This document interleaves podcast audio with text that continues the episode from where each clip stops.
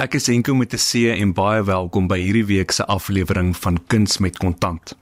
Ek sê my naam net aan die begin van hierdie program en verder glad nie.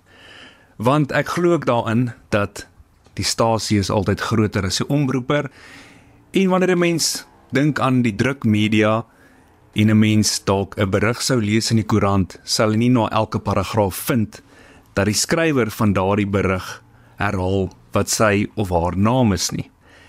En ek begin vandag se program so want ek het die groot voorreg om by iemand vandag te kuier wat elke Sondagoggend of middag om 12uur op RSG is en hy is baie bekend daarvoor dat hy nooit sy eie naam sê tydens die program nie.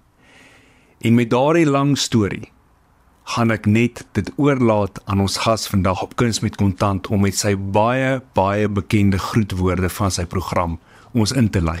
Wel, dit is baie lekker om hier te wees.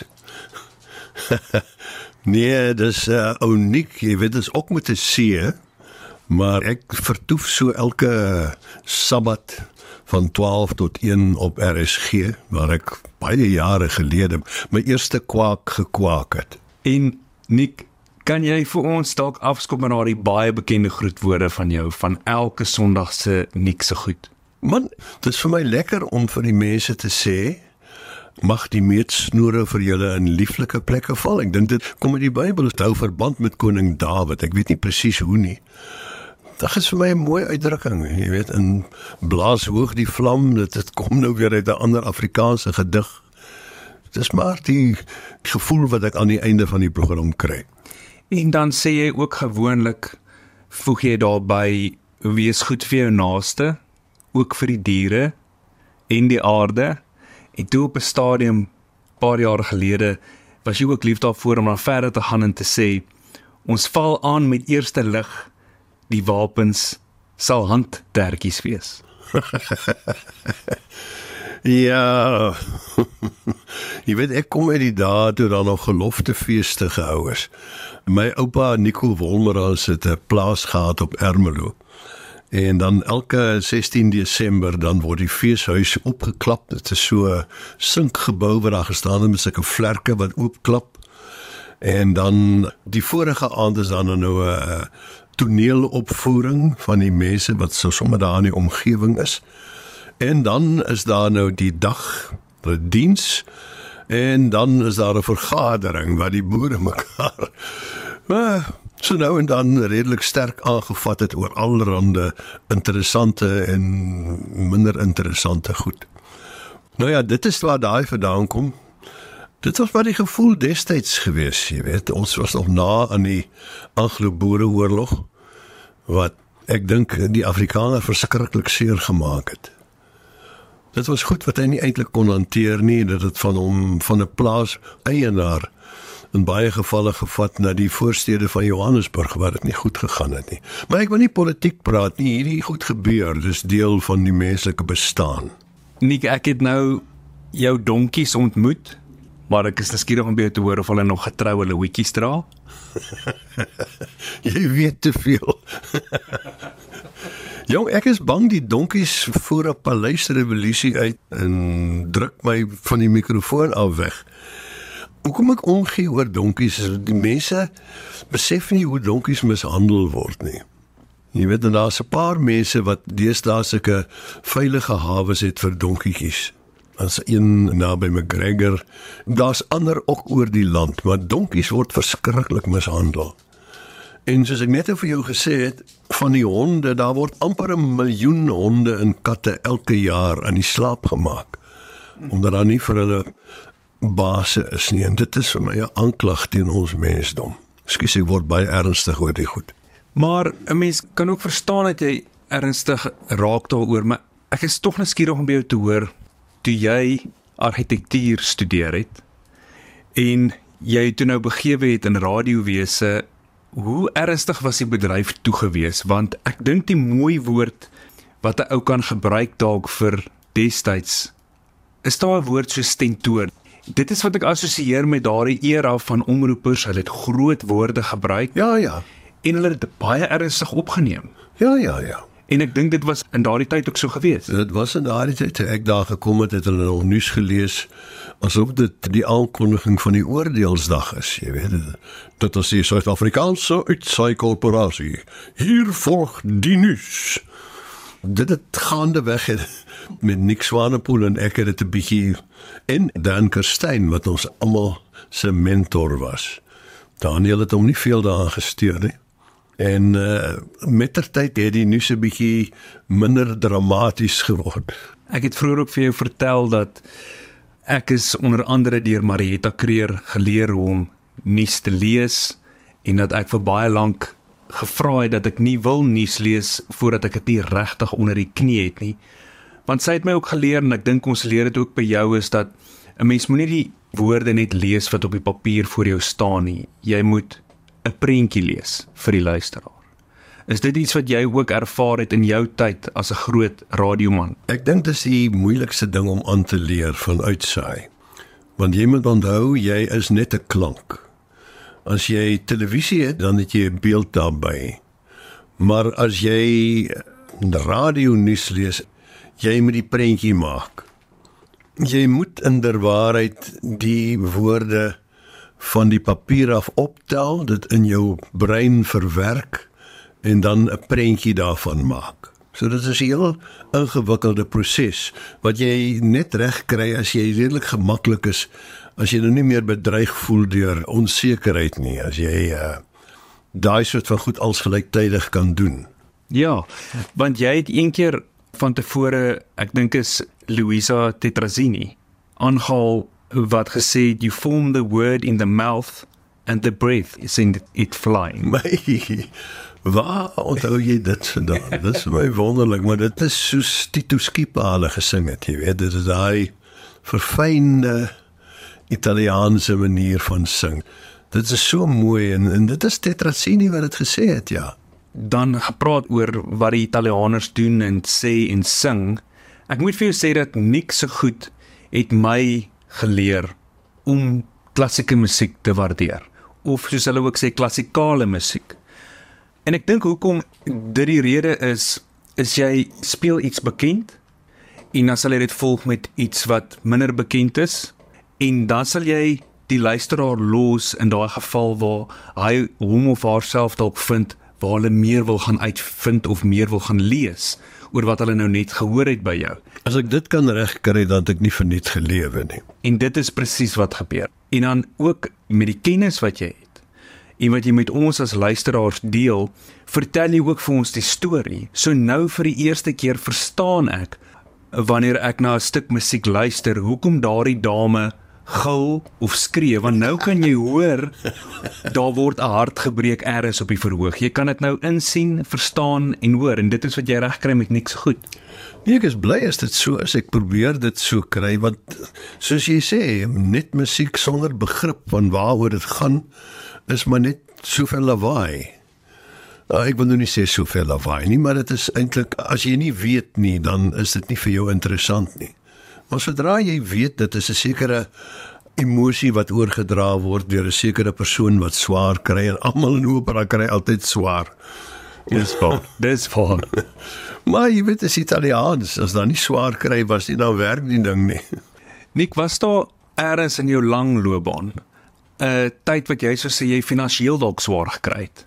Was daar moeilike tawwe tye? Nee.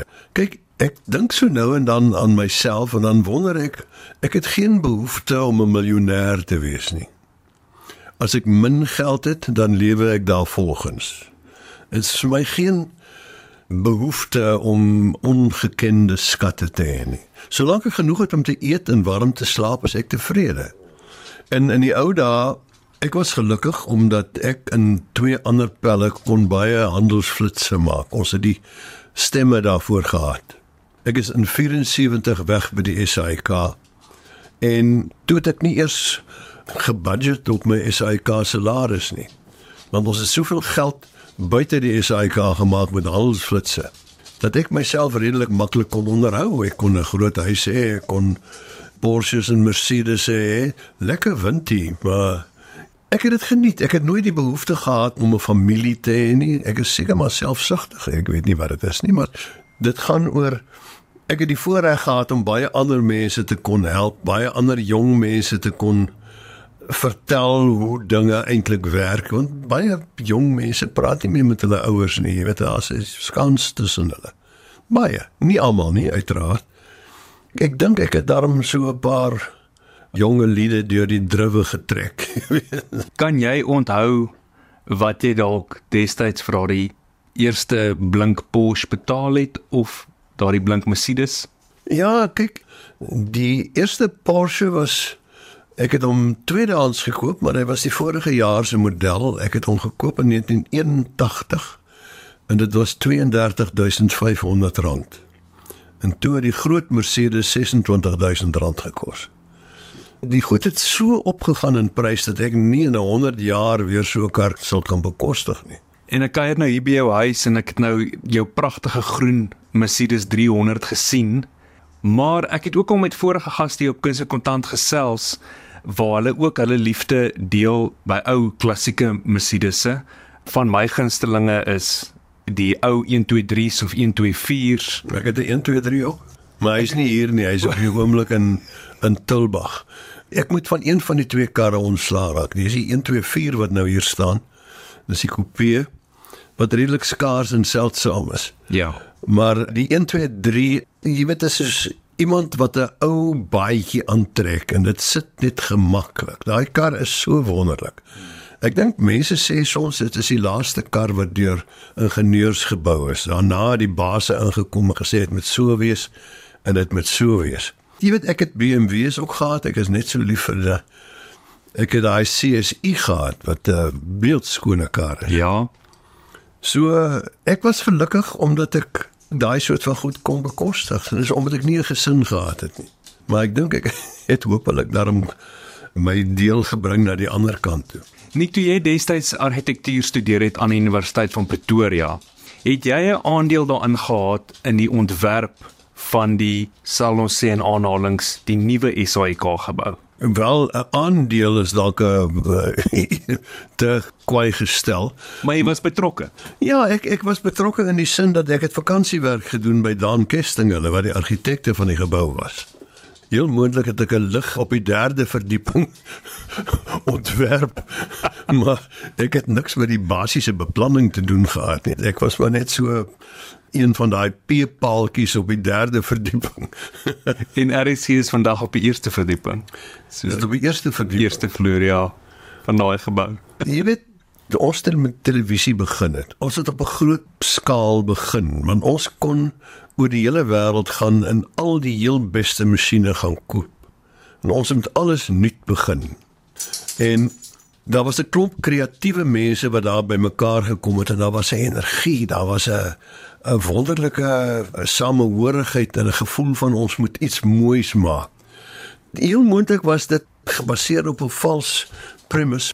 Ek dink op die ou end het dit ons aangevuur om mooi goed te maak en ek dink ons het hier en daar ietsie reg gekry.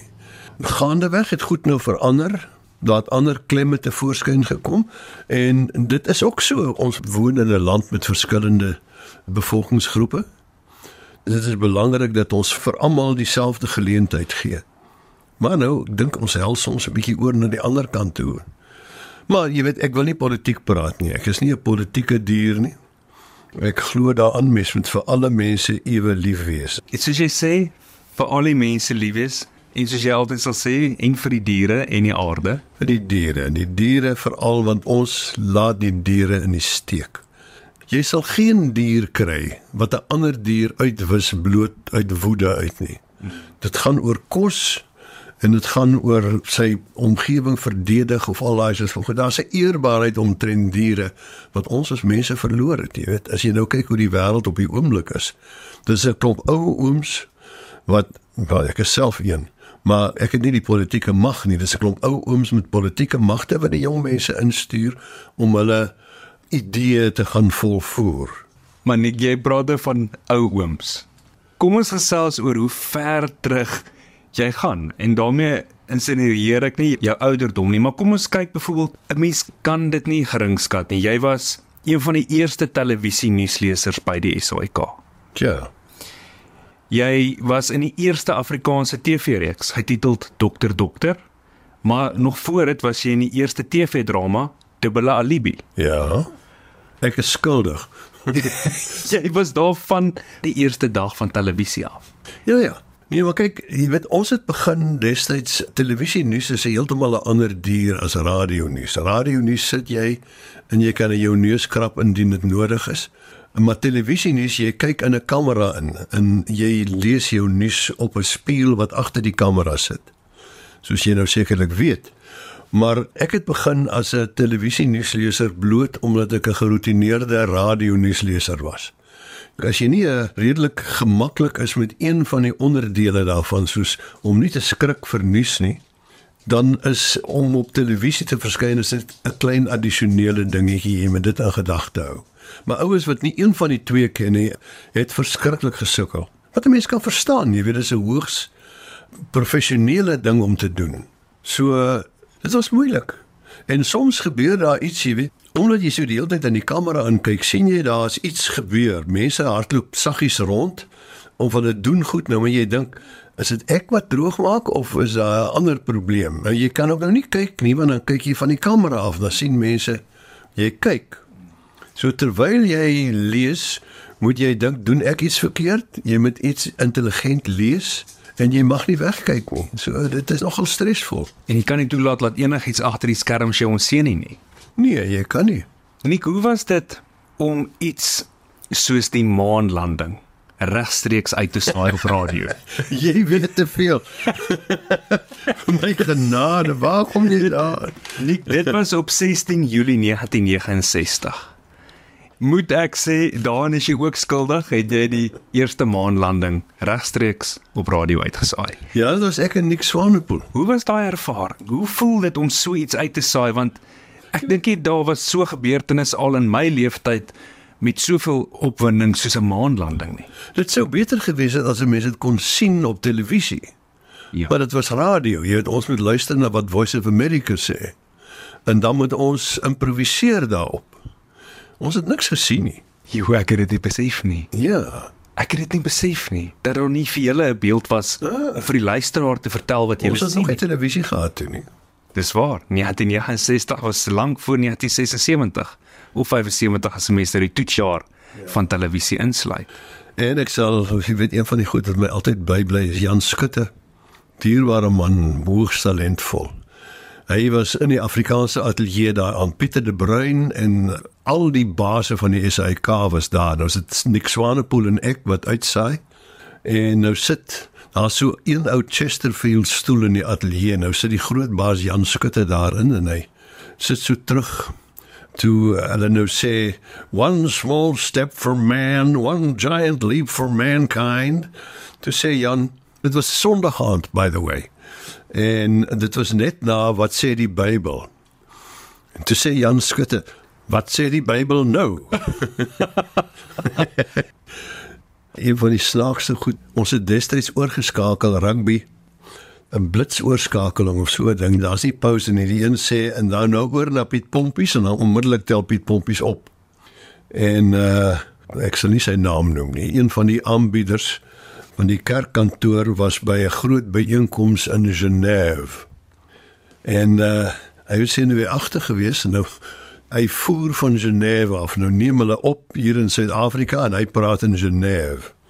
Nou aan die einde daarvan sê hy en dit was Piet Pompies van die Palois uh en dit was Piet Pompies van die Palois en dit was Piet Pompies uit die Palois Toe wou hy te sê, ag man, los dit maar. dit was dit was uitgesaai die Palais de Bolois. Maar dit kon reg nie. ja, maar dit kon reg kry nie. Maar wat ek geniet van jou Nik op Sondag middag is as jy iets sê daar is niks so goed, dan kan ek nie help om so my mou te lag as jy dalk nou maar iets gesê het of jou gedagtes gedeel het en dan maar na die tyd sal jy sê oplig ag maar ons glo en vertrou maar dit sal oukei okay wees. Doen ek dit? Ek weet nie, ek loop soms op dun ys, jy weet, daar's dalk mense wat my bande sal stuk en sny. Nik, weet jy hoeveel episodes van Nik se goed daar al was? Seker al 450. Nee, is meer is dit. Dis 476. Ek het net nou die een uitgestuur. vir eerskomende Sondag. Ja. Maar dit was 'n bietjie van 'n probleem. Ek moet normaalweg Woensdae opneem. Maar Woensdae is daar altyd 'n soos ons nou maar sê 'n kuttel in die drinkwater.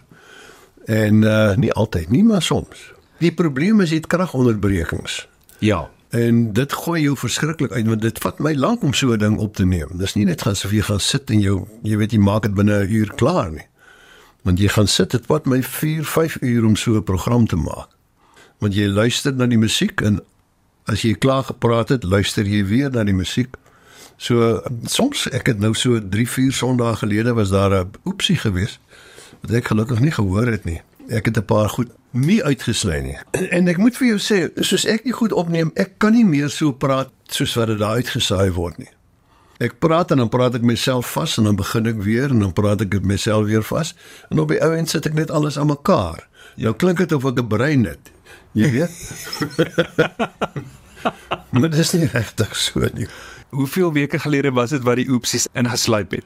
Man, dit was seker so 4 weke, 4, 5 weke. Maar byvoorbeeld wat het die luisteraars gehoor? Hulle het net gehoor dat ek aan mekaar 'n sin begin en dan flaf en dan weer begin en dan flaf en dan weer begin. Ek het dit gelukkig nie gehoor nie want ek sou ten dode gestort het. Dit is vir my so lekker om hier in jou tuisateljee te kan sit en te sien waar jy elke week niks so goed opneem. maar wat sê jy vir iemand sê wat hulle vasstaar in die bekendheid en in 'n rykdom en so meer van die lewe? Want ek dink hoe ouer 'n mens word in die lewe, hoe meer besef jy dat bekendheid en rykdom is maar by ouene maar net 'n droogbeeld. Jy sien ek het my lewe lank nog 'n minderwaardigheidsgevoel gehad. En daarom dink ek het ek soms geoorkompenseer. En hoe ouer ek word, ek is nou 83 en op daai ouderdom is dit nie vir my meer vir my belangrik nie. Dis nie meer vir my belangrik om geken te word of om oulik te wees of om enige iets te doen nie. Dit is net vir my lekker om goed op 'n kom ek sê eerlike vlak te bekyk. Want ek wil maar windgat, jy weet, dit is is maar so, maar dit soos ek sê, dit dit kom uit 'n persoonlikheidsgebrek uit. So sê jy sê dit is maar waar 'n mens windgatheid kan toeskryf is tog 'n mate van 'n minderwaardigheidskompleks. Ek dink in hoofsaak, ek wil nou nie oor sielkundige goed praat nie, maar ek dink dit is maar die basis van alle voorbarighede, jy weet. Dis waar. Jy moet jouself laat die moeite werd voel. Jy weet ek maak nou 'n groot ding daarvan. Ek was nou nooit so dramaties betwyfelend oor myself nie. Maar uh, sekere goed het ek geweet doen ek beter as normaalweg. Sekere goed het ek besef doen ek minder goed as normaalweg. Maar op die huidige oomblik van my lewe is ek heeltemal tevrede. Ek het nie baie geld nie. Ek slaap nie honger nie. Ek het twee honde wat my pla die hele dag, maar vir wie ek baie lief is. En ek het niks meer nodig nie. Ja, en hulle is dan oulik, hierdie twee Jack Russells. Ja. Dink jy 'n mens bereik 'n mate van wysheid in die lewe deur middel van lyding, waardeur 'n mens gaan? Kom maar wysheid saam met lyding. Ek dink dis al manier waarop jy leer. Goed wat jy nie reg kry nie, is die goed wat jy leer. Goed wat jy reg kry, gaan verby. Dit spoel met die rivier af see toe. Die goed wat jou seermaak en die goed wat jou pla, dis die goed wat jou panser teen allerlei dinge later en dit is wat jou 'n mate van selfvertroue gee. Ja, as mense ook vat hoe bekommerd die land en die luisteraars oor jou was 'n jaar en 'n half gelede toe jy dodelik siek was en jy daardeur gekom het. Ek bedoel almal was baie baie bekommerd oor jou gewees, maar Dink jy so? ek dink so. Iemand geweet daarvan. Nog iets waarvoor ek altyd gegil of lag is as ons op RSG hoor hoe jy met jouself kan spot en vir jouself sê ek dink jy sê hoe leef hy nog en dan spot jy so met jouself en dit was veral na jou lang siekbed waar jy baie siek was Ja, ek het amper nie gemaak nie. My dokters het gedink hulle het my verloor. Maar is ek nog om nog te kom sondig ja om my drag swaarder te maak. en ek moet sê jy is jonk van gees jy's aan die gang en jy's vir my toonbeeld van daai ou sê ding waar hulle sê don't let the old man in jy doen dit Dis jy laat die ou man nie in nie Clint Eastwood se ding ja. Ek voel so. Ek is gelukkig in die sin dat ek nie sover ek weet groot peste in plaas het nie. Jy het baie TV werk gedoen. Jy het regtig baie werk op TV gedoen. Ek het baie werk gedoen, ja. As mens kyk na jou CV, jy het al van tevore as iemand na jou CV verwys aan plaas van niks se goed noem jy dit niks en nonsens. Ag, daar's te veel. Daar was geheim van Nantes, maar nou wil ek jou vra van tevore het Erik Leroux, Nathaniel se broer hier by ons gekuier op Kuns met Kontant. En hy woon in Nantes in Frankryk. O. Wel hy spreek dit uit as Naan. Nant, ja, maar dis Nant. Maar jy kan mos nie vir die boere sê die geheim van Nant ja. nie. Maar nou moet jy weet as ek 'n nuusbulletin of 'n nuusboelie lees op RSG en die woord Nantes verskyn daar en ek lees dit uit as Nant omdat ek dit by 'n persoon geleer het wat in Frankryk in Nant woon, hoe die luisteraars kla want hoekom sê Henkoen nie Nantes nie? Nee. Jy doen jou job, jy's 'n professionele omroeper, jy spreek dit reg uit. Hulle kan kla soveel soos wat hulle wil. Hulle weet net nie. So saam met daai lysie was daar die geheim van Nant. Daar was baie snip en resipit. Ons het nou die dag met Rika Senet gekuier hier op Okay, Kus met ja. kontant. Daar was Dada en die Flower. Wie kan in 1980 The Gods Must Be Crazy vergeet? Daar was Geluksdal, Arsenal, Skoppensboer, Daan en Doors op die Diggins. Ek onthou eens al hierdie goed nie. Daar was die vlakte Diskant Hebron waarin Dawie Marits gespeel het en sy seun Albert was nou die dag hier op Kuns met Kontant Ja. Albert Marits. Ja, ja. Dan die storie van Clara Villiers, een van die mooiste mooiste rolprente wat daar is. En dan soos vroeër genoem Dokter Dokter waarin jy 'n dokter vertolk het. En dan was ook op 'n stadium ek dink drama drama. Daar was drama drama en daar was 'n Tunzini spa. Dit was drie reekse na mekaar wat Kobus Lou geskryf het vir televisie. Jy het vroeër genoem dat jy heelwat geld uit handelsflitsse gemaak het, uit advertensies. Hmm. Maar jy baie geld uit rolprente gemaak. Jy maak nie geld uit rolprente nie. Regtig, want jy het of in hulle gespeel en rolle vertolk voor die kamera of jy was agter die kamera as regisseur. Ja, ek het 'n paar regie van gedoen. In 1945 is die een en die vlakte Diskant Hebron is die ander ene wat ek die regie van gedoen het. En dan was daar nog 'n luglokval en sulke goed, jy weet ek onthou nie al hierdie goed nie. Maar uh, uit rolprente maak jy nie geld nie. Ek het vir The God Must Be Crazy het ek in totaal gekry 2170 rand. En jy weet daai ding het miljoene gemaak oor see. En tegnies moet die SAIK jou betaal of die filmmaker moet jou betaal elke slag as die ding weer uitgesaai word. Jy gee normaalweg jy sê jy betaal my nou en dan gee ek vir jou een gratis heruitsending en van daar af moet jy sê 10% betaal van wat jy my destyds betaal het. Maar jy weet tensy jy hulle hof toe vat enige maatskappy dan kry jy niks uit hulle uit nie. So dit is wat jy tot vandag toe ontvang het van 'n rolprent soos The Gods Must Be Crazy. Ja, ja. Joh, dit is hartseer. Mens kan nie dink dat 'n mens nie tantieme of betaling ontvang vir heruitsendings nie. Ek wil nou nie te veel daaroor sê nie, maar almal was eerbare mense, maar dit is soos dit gewerk het destyds. Ja, Jy weet jy is een keer betaal vir kom ons sê nou maar 'n roep het jou R100 'n dag gegee. En as jy vir 5 roepe betaal is, dan het jy R500 gekry. En dit was die laaste sien van die blikkantien in die meeste gevalle. en indien jy sopas by ons ingeskakel het hier op RSG, jy herken die stem wat jy nou hoor en dit is natuurlik die veteraan omroeper Nick de Jager. En so veelsidig soos die musiek op sy radioprogram op Sondag, Nick se goed, so uiteenlopend is sy belangstellings. En Nick het vir my definitief die mooiste stem op radio, hy het die mooiste kwinkslaag Sevier? en jy het die mooiste Afrikaans wat van jou tong afrol regtig. Baie dankie. Waardeer dit. Is daar 'n wenresep vir niks so goed? Is daar 'n resep wat jy gebruik om vandag 476 afleweringe van niks so goed Ek saam te dis wel goed wat ek deur die jare aangeleer het, jy weet. Ek is bly om te sien dit werk vir mense. Daar's baie mense vir wie dit nie werk nie.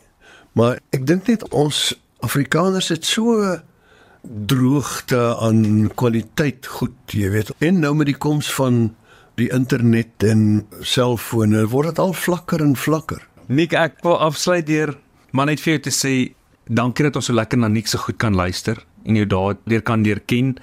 Dis lekker om elke Sondag na jou te luister waar jy jou gedagtes om die week se gebeure met ons deel, so asof ons net terloops daaroor gesels. Ek dink dis wat dit so lekker maak. Ek moet maar 'n wag voor my mond sit, jy weet, want ek het baie sterk opinies daaroor. Ek dink dit is wat die luisteraars so waardeer en ek dink Nick se goed is op die ouene vir ons almal maar 'n anker aan die einde van 'n week. O, oh, jy sê die mooiste goed. kan ek 'n verhoging kry? Nee, ek wil vir jou baie dankie sê. Dankie dat ek so lekker by jou kon kuier vandag hier aan die huis in Somerset Wes. En ek wens jou dan jou eie wens toe. En sê vir jou mag die meetsnoere vir jou in lieflike plekke val. Maar hulle doen. Baie dankie. Dis waar, hulle val vir jou. Ja, nee. Ek, min mense op my ouderdom is nog so voorbarig soos ek, jy weet. Ek het my honde en ek loop nog, maar ek moet vir jou sê een ding wat my tref en ek dit lyk vir my asof dit baie mense tref. Ek begin al hoe meer afgesonderd raak en dit pas my. En ek sê almekaar jy weet, ek weet nie hoekom ek sê. Jy weet, jy weet, jy weet. Maar nou ja, dit is soos die lewe gaan. Ek is nie afgeskeep in die wêreld nie, so ek het gedoen wat ek graag wou doen. Ag en soos jy gewoonlik sal sê, eindelik sal alles oukei okay wees. Net so, net so. Ons glo jy vertrou eindelik sal alles oukei okay wees. Okay. Baie dankie. Dit was baie lekker om met jou te praat. Dankie Nik, ek waardeer dit.